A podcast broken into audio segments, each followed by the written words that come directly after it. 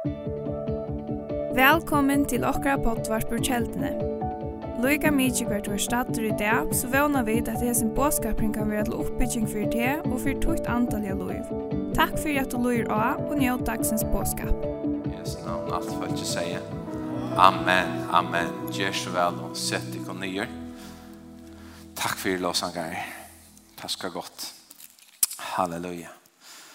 Halleluja til er og en gava at vi først er bare kunne bia ut ut hunkon. Du kanskje ikke varst alt for at du skal bia, men 800% sikkert at du bier alt du etter Guds vilja, ta du bier ut hunkon, og du vil selv oppbygdur stendig da i eh, Judas er brev, at oppbygd de kunne at det kan aller høyligast utsikt bie og i høylige andan. Så det er aldri en skøft at gjøre det, og bare være og i Guds nerver och lätta det brusa. Akkurat som Bibelen sier att det skulle strömma strömmar av livande vattnet. Och till er om hela andan han sier det här. Att lätta det bobla innan och jag kom. Amen. Halleluja. Ordentlig gott att uh, vara här samman med dere, selv om man kan säga at det er ganska sommer, for att ikke sommaren. Men det er otroligt stort til å søke dere, att uh, till komma till Guds år. Vi tycker vi här i heaven kan till och med det. Jeg sier Herren er råk til dere i dag. Amen. Og det som jeg har sett som en iveskrift for hendene her dagen, det er hjärsta kjeldan til liv. Hjärsta, det er åtta tuttningar miglasta organet tja øynene og kvarjon menneska. Det er simpelthen det som gjør om vi kunne liva eller ikke. Det För det bara några fan vägen så gärna blev mynt om hur det här kan hända. Hur jag hemrin stäcker upp till att ett hjärta stäcker i. Kör någon fotbollsspelare som heter Christian Eriksen. Det här stäcker i och han smadlar om. Men det här hjärta är tack och lov. Det kom igång det så han kan hålla av fram att leva. Så hjärta är något som är ett av mest tydningar mesta. Kör ögonen och kvarjon människa. Og ta det kommer til okkara andalige hjärta, så er det ikke minne tøyant. Og man skal bruka det som en myndetal. Så er det øysten det som gjør liv. Etla man kan øysten sya til det som gjør deia tog til annan på hva du drever, hva for kjelda du drever fra. Om du drever, om ditt hjärta er en kjelda til liv, eller om ditt hjärta er en kjelda til deia, destruktivitet og eleggelse, og så framvis. Og man kan si at hjärta ta er ta fylgja okkon, så langt som vi leva, så vil hjärta fylgja okkon. Og hjärtat kan man säga är som en stor database om vi brukar det myndaliga tala. Det minnes till allt det som vi färra och jökt. Det är åkara minne, åkara tankar, åkara sinne och så framvis. Ta Bibeln omrör vår hjärta så omfattar det allt detta. Och tid som har leva långt, tid har uppleva nekv och tycker att hjärta minnes nekv til er minnes gleder, men det kan øyne hava sorger. Og så er det tja okkon ødlån, og som sagt, da vi sitter her i det, så er vi imsa stene i løvnån. Vi har møtt imeskon av venon, og til imes som har lukket som sett seg i okkara hjärsta. Bæge for godt og for illt. Og tog er det øyelig godt vi først er kommet her til, er man lukket som man hikker og løtsinder inn i seg selv. Ja, men hvordan er det vi må noen hjerte? Paul tar seg sørste sånne der om at han nylig, nå han er blevet så gammel, at han er ferdig til et hølsekjekk. Nei, at han sier ikke gammel, men tar man kommer opp igjen av sin alder, så fer man til et hølsekjekk. Bare for jeg kan like med, hvordan, hvordan er det fire? Er det noe som går med seg her, som vi skulle oppdige, som kan gjøre der trobløyger, som vi skulle lange lofta nå? Og Og på den måten kunne vi da også si nå at vi kunne gjøre et hjerte tjekk her i morgen. Hvordan har vi tatt hjerte til?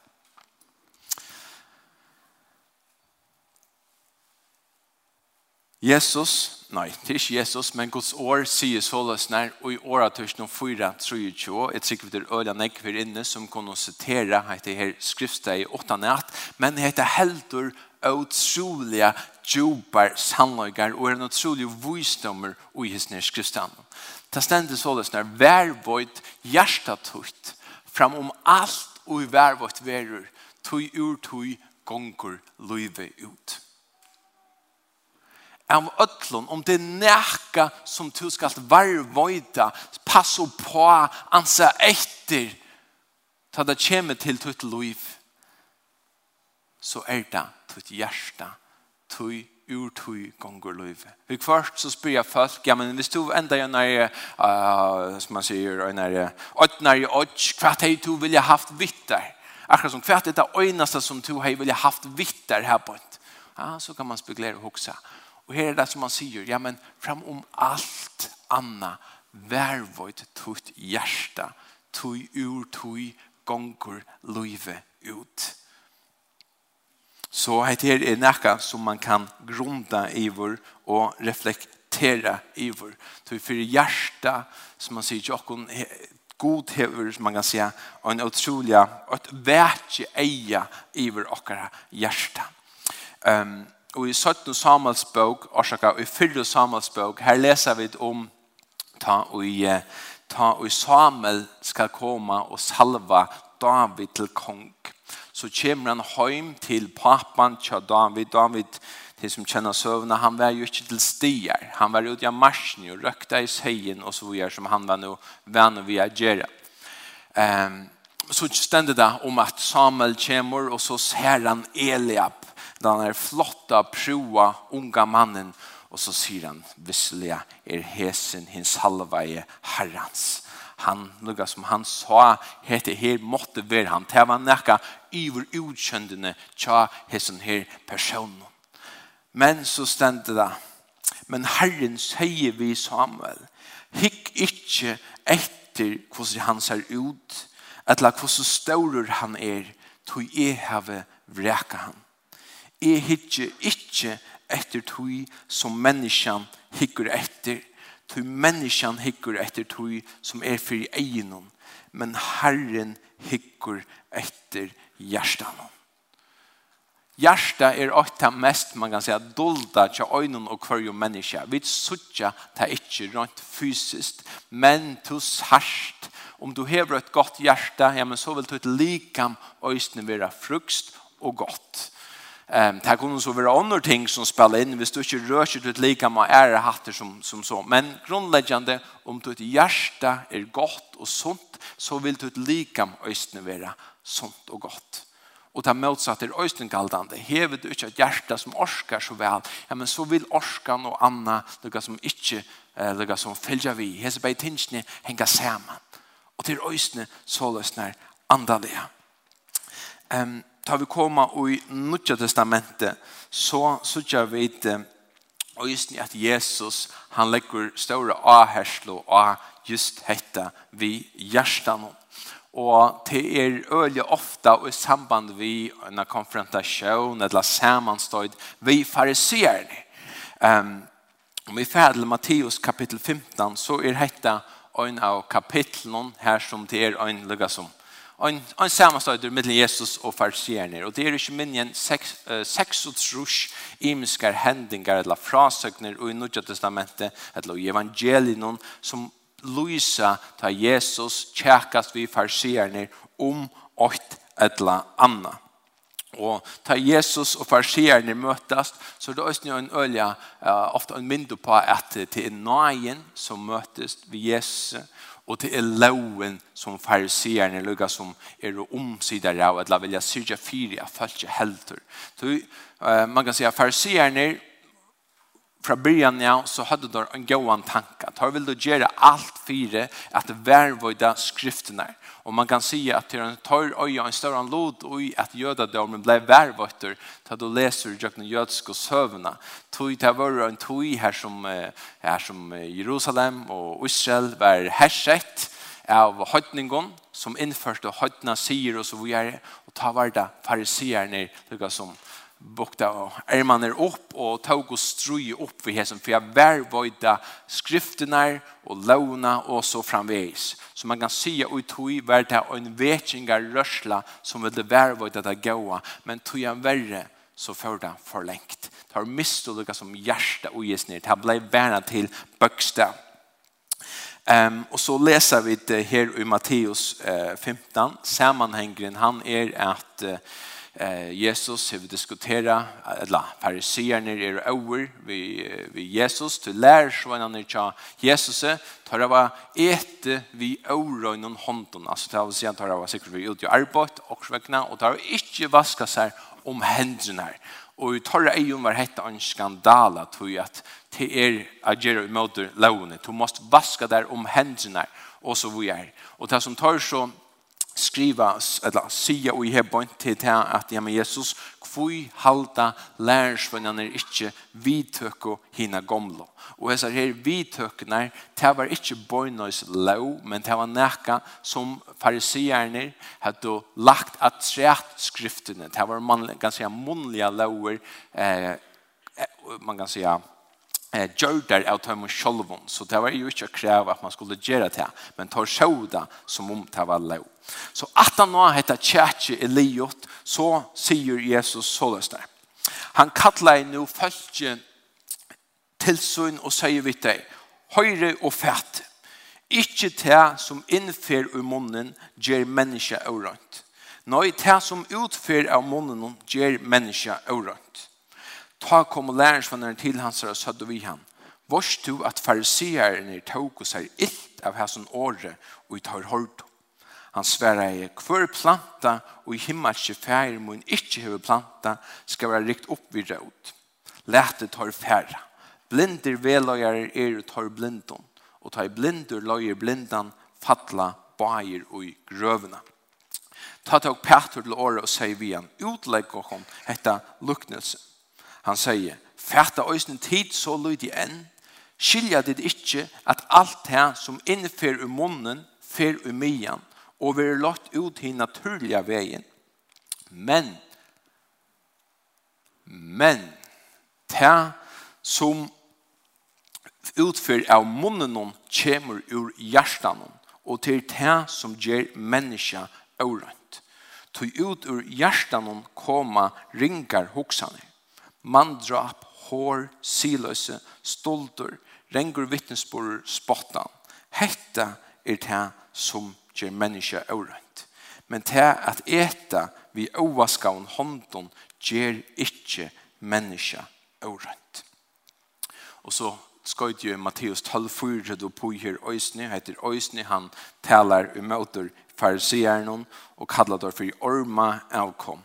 Hvordan kunne tid tala godt tid som er under. Ty moren talar til som hjärsta er fullt av. Så det er, man kan säga, travren og tog som Jesus vil bära fram hebant, at man kan säga, hvordan er tøyt hjärsta? Det som kommer ut av det er ånkors vekkna og en mynd av tøy som bor i tøynon hjärsta. Og til øyne her vi det vi brukar ofta det här uttrycket att moren talar det som hjärta är fullt av. Och till här vid här man kan säga texten som stola tog. Tog är det så att det som vi säger och maten som vi tar så på och så vidare är ett öliga gott barometer fyra fossi okkara hjärta egentligen är. Hoxa öll, vad så snackar Till man kan säga akkurat som om akkurat som att ta du sagt att isfjäll. Så det har sett dokumentarer om det eller det kanske var ända så där vi det fysiska ögon. Men så säger man att det är 20 som är över vattskorpne men det är 50 av tog eh av isfjällen är under vattskorpne. Och jag tycker att jag kan ösnen bruka som en mynd och på ja men ta som tog tåsar, ta som kommer ut. Ja, vi vet att vi huxa jeg må lese angstens menn også, jag var ikke så snägt tusen tankar om dagen och kvinnor också har fem förnar som såna var för om dagen så så det nägg tankar och allt är just ja kvar ju spyr mycket men det ser jag kan inte så test här men en bara en pastor av tog som vi också och så vi är det kommer ut och det vill så vara vi till ja men jag reflektera det som bor i åkara hjärta Um, Oin sier til såløsner at hjärsta ui trubeløyganen er okkara hjärsta. Ønskapur er ein hjärsta trubeløyg. Og tar vi så hitja nærri etter hva er det som Jesus sier ui hessen her versen her bant. Jo, så sier han at man kan säga at uh, människan hon er grunnleggjande ikkje god vi gjør når det kommer noen ting ur menneskene som er og ring, som er og ønt. Og heite her er østene ut så man kan säga bort og mode kan man säga tog tog er rasen som vi lever i. Humanismen til dømes sier jo at menneskene er grunnleggende go. Hon er go i seg selv og alt hitt til utanfyr. Men her sier Jesus at alt dette her som har ramsar opp her bort kommer ur hjertan. Mandrap, hår, siløse, stolder, renger, vitsborer, spottan og så vujere. Det kommer ur hjertan. Og man kan si at tog er det ønd menneske som skapar og en ønda ver. Og ikke en ønd ver som skapar ønd menneske. Og dette her lukka som er en større spurninger som folk tåsa om og hava ringt vi lukka som at skilja og sette åra. Jeg var spurdur i var om at han var for fyrlestre um, ein i KFS og tekniska skola Klaksvøk og ein i KFS av mina med kampstalle vi iveskriftene kvui Hvordan kan en gaur god løyve koronaviruset? Og tar vi det lukka som sett opp til, ja, men hvis det gode gauer, hvordan kan koronaviruset, som vi alle halda er lukka som er ønt, til vi sutja hva fyrir, og er leggjande avløyngar til vi haft fyrir atlan høymen, hvordan kan god tillata dette her? Og man har också men god til tunnskilt. Men hvis du så kogar det löd sin det nyer, ja men kvärt er upprånen till corona og så vi er alla hessa støv som heimen er kommet nå i. Hvor er kjeldan til hetta? Jo, det er stadigvæk nekva græsjinger og, og, og, og, som færre gong, då man kannar kvært og kvosse. Men til øyla nek som bender av at det heves en opprona vi eh, Wuhan og i Kina, og at det heves en opprona og i Djauron, Vittlon Djauron, som har smittat folk. Og så kan man spela sig, ja, men hvordan kom og hese vittlo djørene, flåmøys, deslo djør og annor luknande djør som levde ut i frie naturene, hvordan kom det til menneskene? Jo, det kom med till annan av tog at mennesker vil du tjene penger och på hese her djørene. Så det er flott å hese djørene, flåmøys, alle sier imsko djørene, og sette dig lukka som og gærer, farmar, at æla og dyrke det upp Og enda malet vær at og er at tjena nekvar pengar. Faktisk, har man leser om det, så er det en milliarda fyretøkka. Så det er her kjeldan er. Så det er sier djørene kom og blir pressa i små uh, boer og anna. Ja, men så utløser det en hoan stressfaktor som atter her utløste viruset så det ble først iver av mennesker. Og så kan man si, ja, men hvor er kjeldan? Jo, hvis du først til chatten av oss ned, ja, men så var det også vekkene gjernt etter å tjene penger. Du flyter nekka som er vilt og i naturlig omstående, og flyter det og i nekka og naturlig. Hvor penger? Gjernt etter å tjene nekka. Så etter her kan man si, hvis man skal kåka det ordene nye, så er det hjertet som er årsøkken til dette her. Om vi færa til ett annat skriftsted som er Jesus øysten tåsar om fariseerne så sier han så lyssnar Vad är tikkon till skriftlärd och fariseer hycklare tickare? Vi kvar så täckes hindu som fariseerne och jag tar det och pent viffärner av Jesus men hinner vi inte, det var kanskje en grunn til det Og, og han kallar det hyklare til et ofertelig størst uttrykk. Her grisk går hypokritos, alltså en hypokritor, en sjönläggare, en som er falskor, en som utgjøver sig til å være näka som han egentlig ikke er. Han sier, hyklare tikkare, tog tid rønsa, byggare og fætig åttan, men innan er det full av rane og gruskløyka. Blinde fariserar tog ger fyrst byggare og fätt rönt innan, så de kunne være røyn åttan vi. Voi tikkun tid skriftlærde og farisier hyklare tikkare, tog tid lujtjast kolka om grøvun som jo er vekkare suttja åttan, men er fotlar innan av deg om bøynun og atlar i årensko. Såle suttja øysne tid rattviser ut åttan fire menneskjon, men innan er det fotler av hykle og lovløs. Uff, hørt hela vil jeg sagt. Men det her viser jo lukka som samanhengen vi det som er inne i øynene og det som er åttan av her. Og her måla Jesus snakka opp tog han meter at tar færre så avfætliga årettvurst fram vi falskene og tar utnytta sina støv. Men dette lyser nekka sannløygar om okkom som menneskje, at det er nekka innan ui okkom som man kan säga, eh, ja, som, som, som, som er umøte til godgjøvna, til som god vil.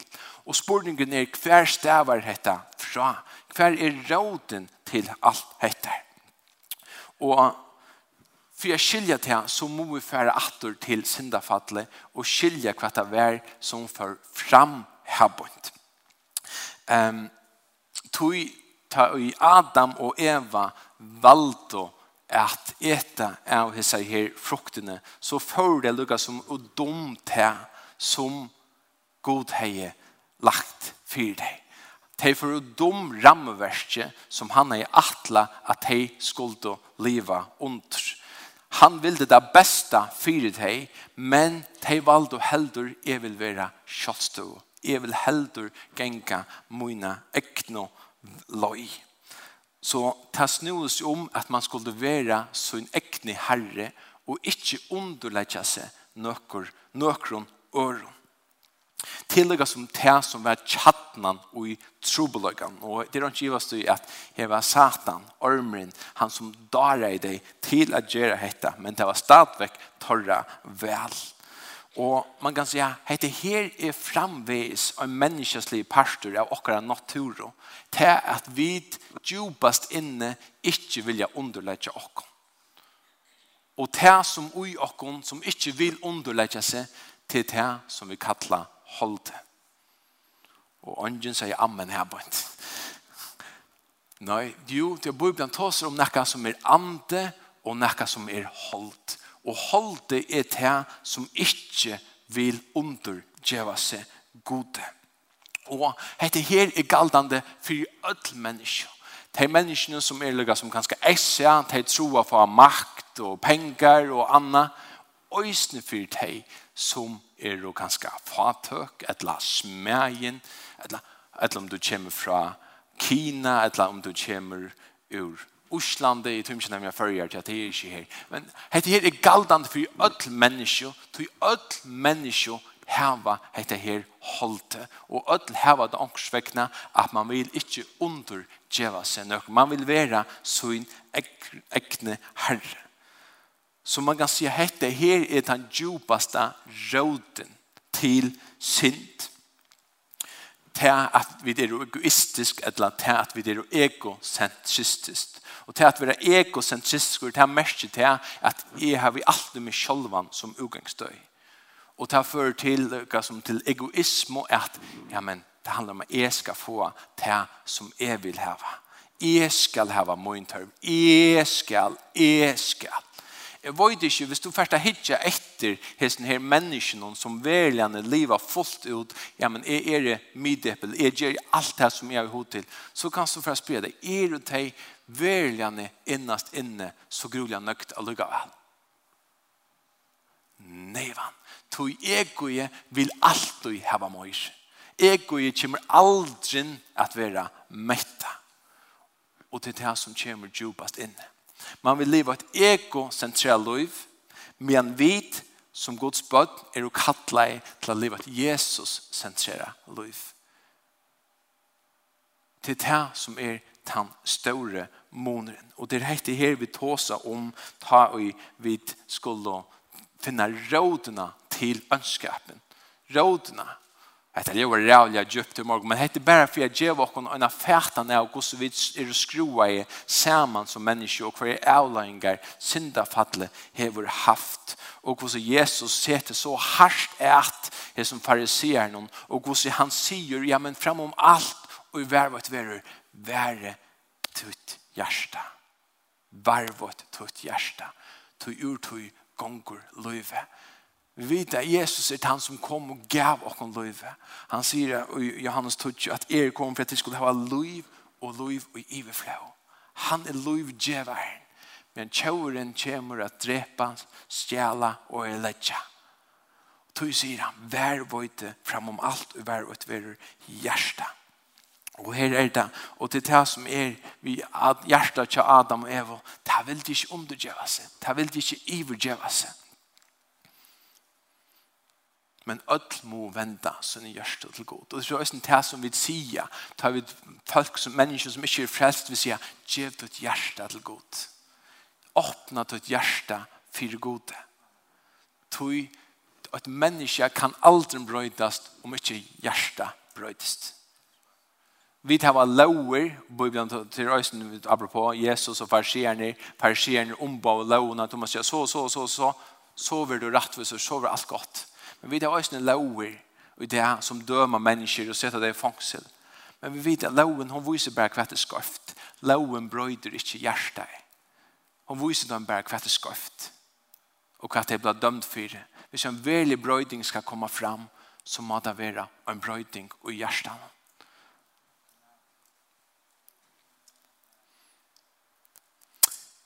Jakobs Jakobsbraue 3 og 14. Nei tunda kvar att eh samma ja ja det är inte rättare det för jag på inte här ständer det så lösnar till en fantastisk goa kapitel om tungna och ju nekar säkert känna en åter här som det tas om tungna som en så lite limor men som häver så starkt vald som är som eldor som är råor som står i skipe och så vidare och kvärt är tungan något av? jo tungan är en ursligt av tog som kommer ur hjärtan Og her tås han lenge kapittel, men jeg skal lese det sørste og fyra versen i Hebron. Her stender så det sånn. Men her var tid borska øvund og ho til strøy i kvær i gjørstånd tikkare. Så rauset tikkon ikkje og likvi ikkje med det sannlagene. Hesen bostømmer kommer ikkje fra, men er av gjørene, av natturene, av ytlån anton. Tog her øvund er, og hovedstrui er avskill og alt som ilt er. Men, oman fra er fyrste røyner, er frisamur, mildur, lealier, fotler av miskun og gauon avvøkston, åttan flokkar kjenslo og ikkje best øyt. Og avvøkstor rattvusinar er, veru frie soar ut høymon som få fri ulle.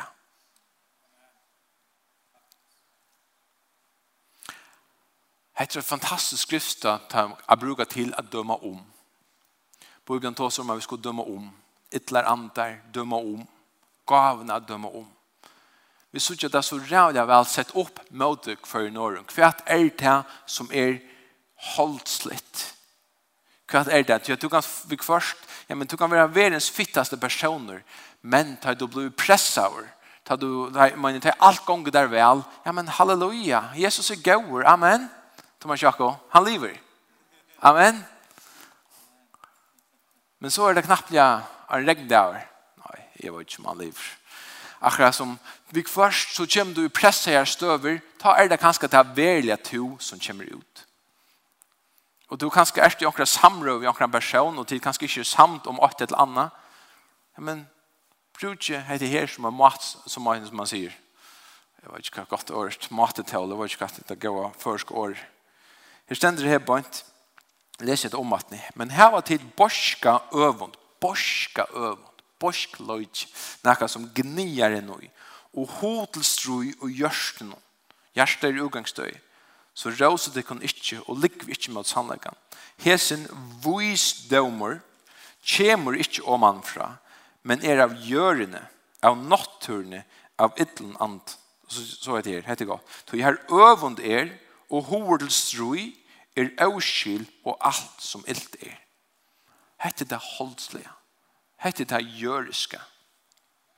Men visdommeren omanifra er første røyner, syne frisammer, milder, lealier, fotler av miskunn og gauon avvøkstun utan flokkarkjensla og ikkje best øyde.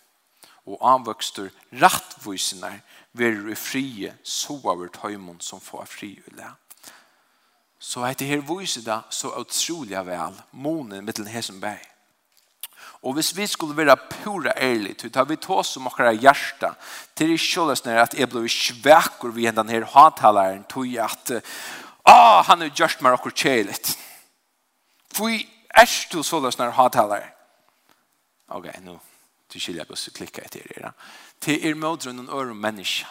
Til her det ble så rævlig viktig det er relasjoner, hjärta og relasjoner henger så avfärdligande tatt samman. Og en hattalare, han kommer alltid, og det ting kommer alltid å gjøre det som nekka vitte. Nei, til alt bottnar og i relasjoner.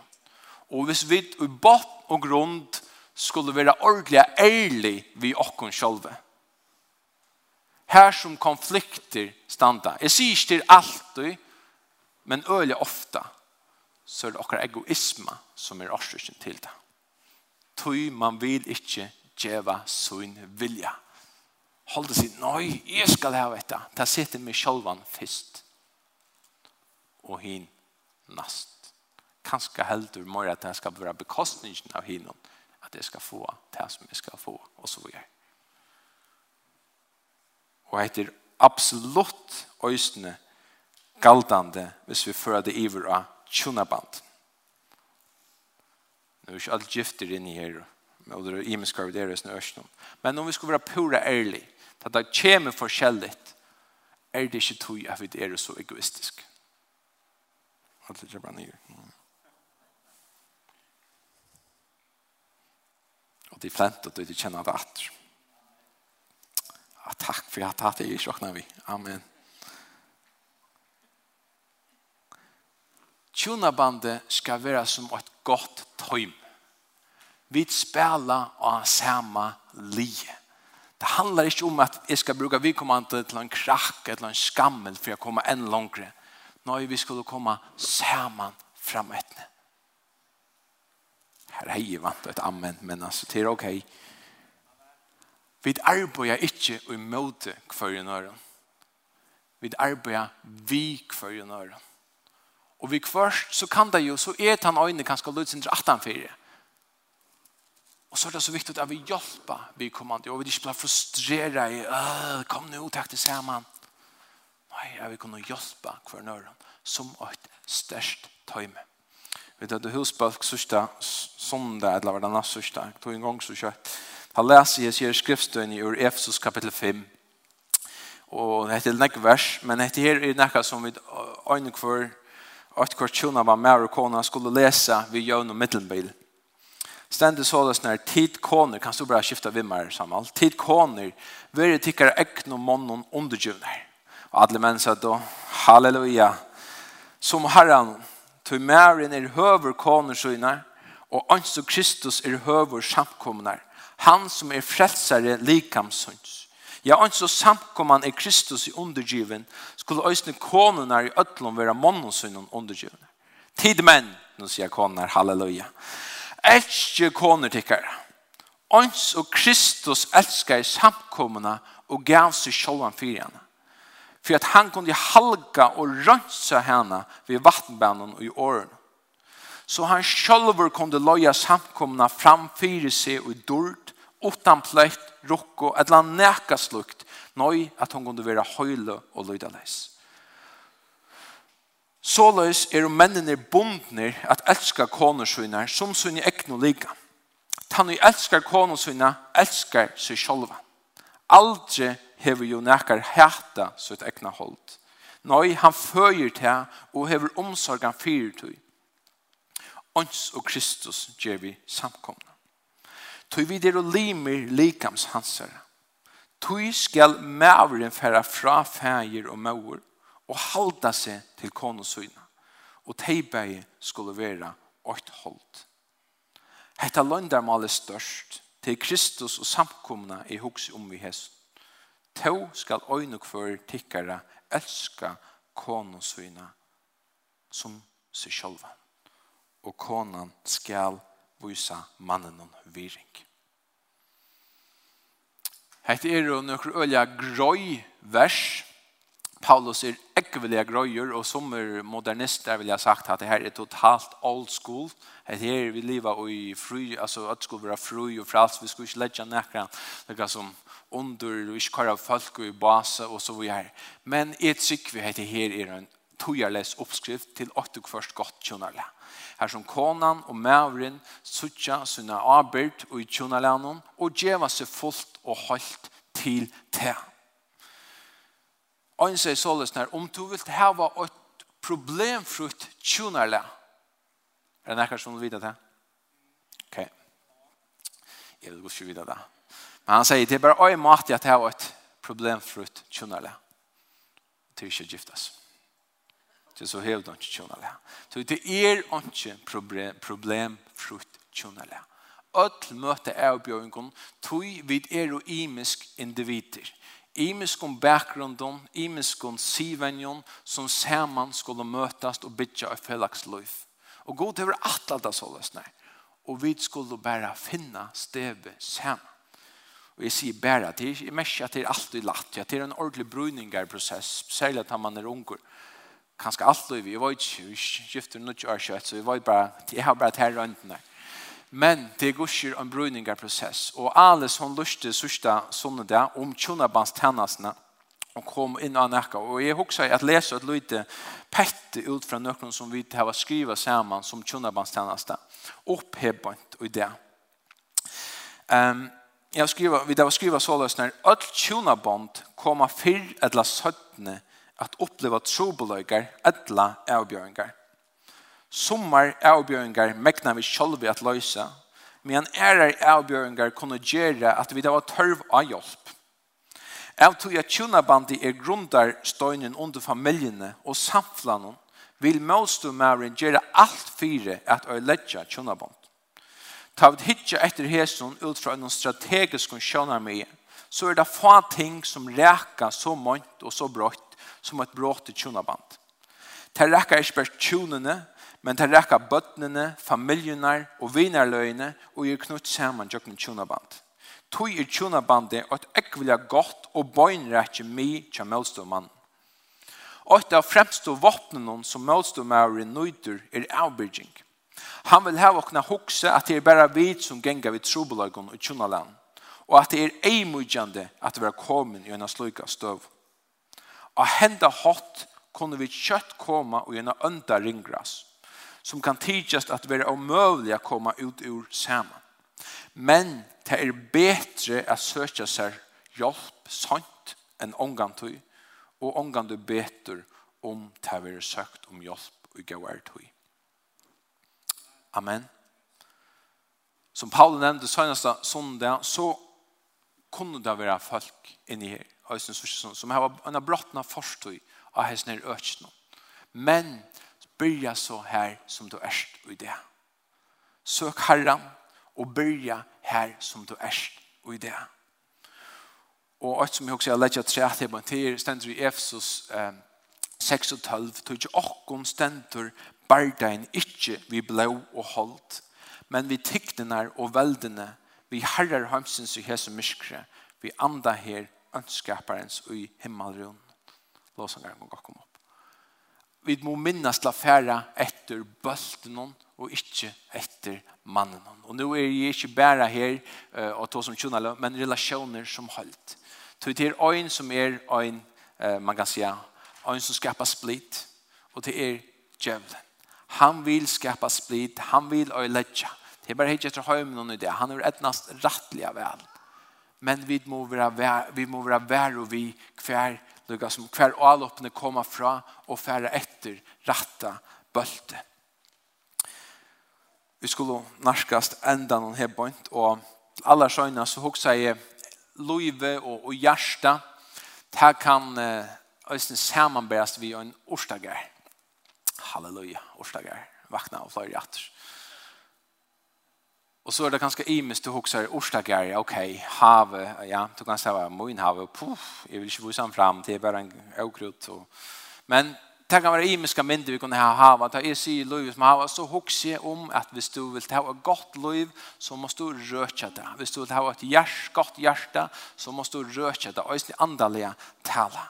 Och de som damast av få oss vid orstagar här, de vil ha en vekran orsdager. De vil ha blommorna att blomma väl, molden, pen och brun, gräsplännan, noislien och pen och allt detta här forskjellige. Och nu har jag haft en hus og kött två år och til nekka som jag har lärt till at havn, han tenker ikke av seg selv. Man må verkligen göra en insats hvis man vill ha han penan. Och Det er heller ikke bare å bara sätta nyer näka. å, nå blir det pent. Nei, man blir så ikke her, men jag hur kvätt rätta. Og krut her og her og her. Og hvis du ikke lukker det, så blir det bare ordentlig størst. Her er en bølger av Facebook, ikke du, jeg skal ikke lysa av henne, men han har jo det orsta gärs AHI. Her er det var 20 000 plus folk, og her blir det spørst alt med himmel å gjøre. Og när som rettelig han er fram ut den att det det det er också det her, alltså gosse fajda veck. Jag har runt allt fajda sig veck. Det kommer alla den uppbattne. Och man behöver ikke være så rævlig djuper. För at nekka ska kunna växa så har det bruk för det rødt. Så och hvis snackar blir vi att komma upp attne så då tror jag roten inte är finche fullkomliga veck.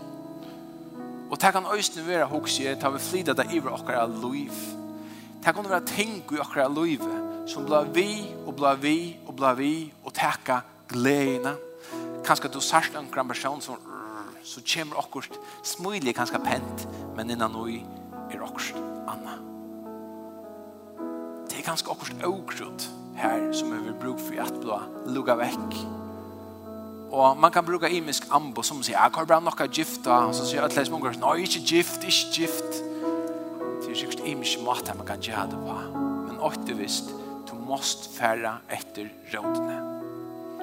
Og åkara hjärsta kan hava øyla nek vekkost, men det kan òsni hava imisk åkrut. Minnalega tala, som er bruk fyrir a bliva lukka vekk.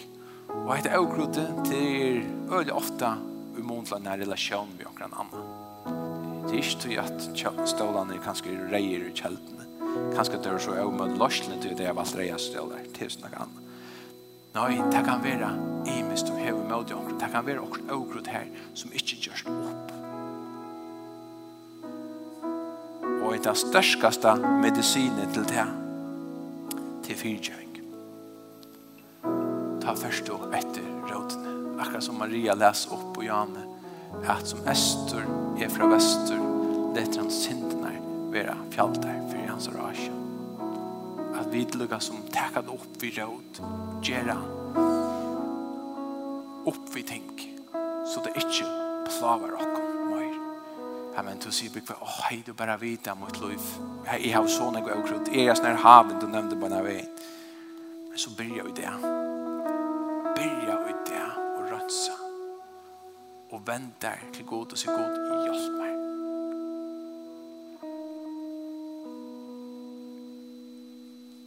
Fram om alt som var vårt verer.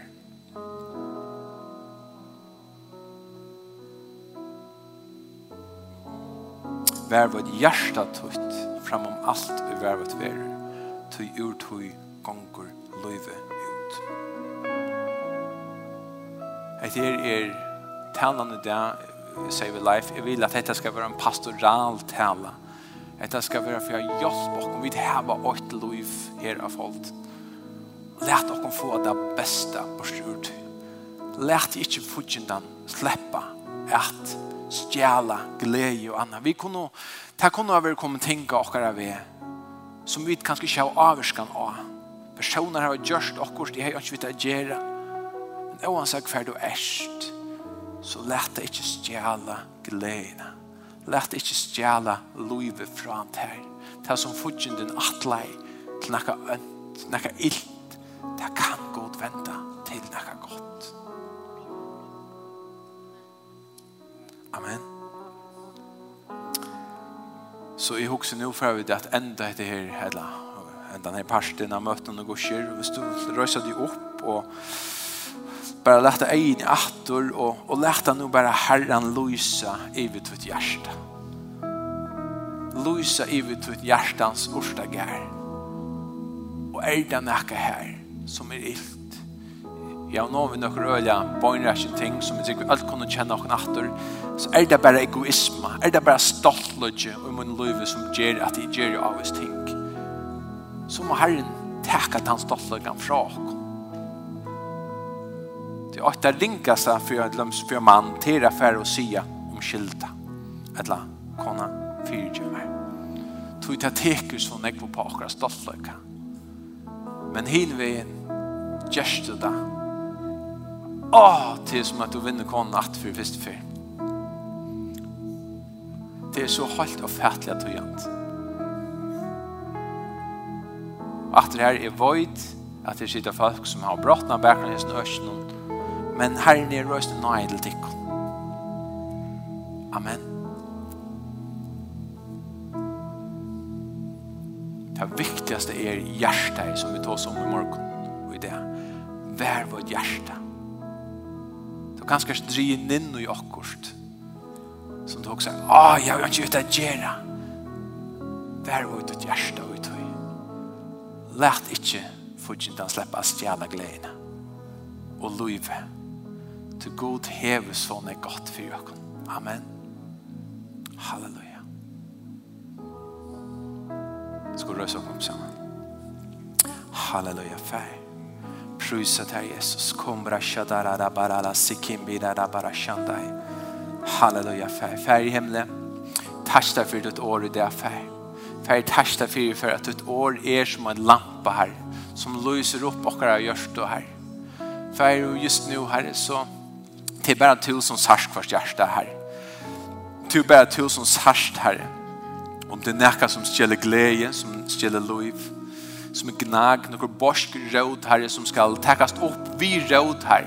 Som för att när för att när för kommer upp här. Fær vi bara be om til noen nøy här. I vår øyne kvønn her, Jesus. Fær tack för det för att vi tär så er allt du vøn här. Vi tär herre, så er allt du hjelp att ha inte. Herre, du kører ångan borster som kommer til tøyen herre fær. Utan herre, du stretcher tøyne armar, tøyne hender ut til deg herre, og du teker deg inn i din faun herre, og du hjelper oss fram etter herre. Du leker det som er i herre. Du grøyer det som er sarsht herre. Og du hjelper oss herre, a hitja fram etter herre, og liv og vårt beste liv herfra og fram etter feg. Takk for det, elsker Jesus. Halleluja, for ikke var sikker i øynene kvann her. Særlig at jeg herre, som, som er som båskaperen hever reka henda morgen her, så blir jeg bare om en særlig nøye fei. Og en særlig styrke her i feg. Til å fyrdjøve her i. Til kanskje at bia om fyrdjøving her i feg. Takk fyrir fær, at du er vurst veien fyrir okkon her. Vi til at du hever fyrir giv okkon alt her fær. Ta prusa vi da fyrir her. Signe og kvann. og Jesu navn.